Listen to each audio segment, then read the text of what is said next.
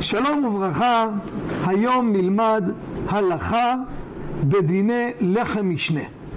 כידוע בשבת קודש וגם ביום טוב, כל סעודה מסעודות השבת חייבת להיות על שני לחמים. לחם משנה.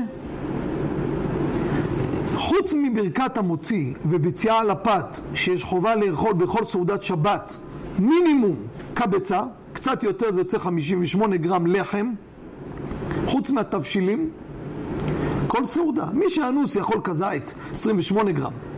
חולה או אנוס, אבל חובה קבצה, קצת יותר אפילו מקבצה. חוץ מסעודה רביעית שזה כזית, 28 גרם.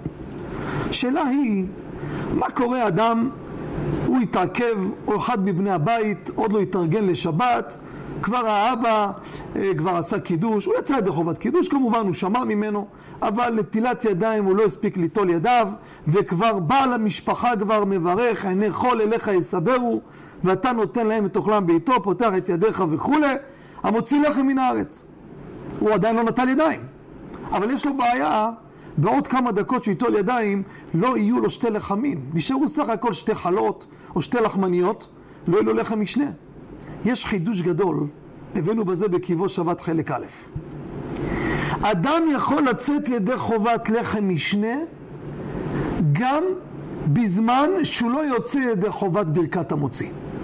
הוא עכשיו לא יוצא ידי ברכת המוציא, כי עדיין הוא לא נמצא פה, הוא עוד לא נטל ידיים. הוא עוד מעט ייטול ידיו, יברך המוציא ויאכל.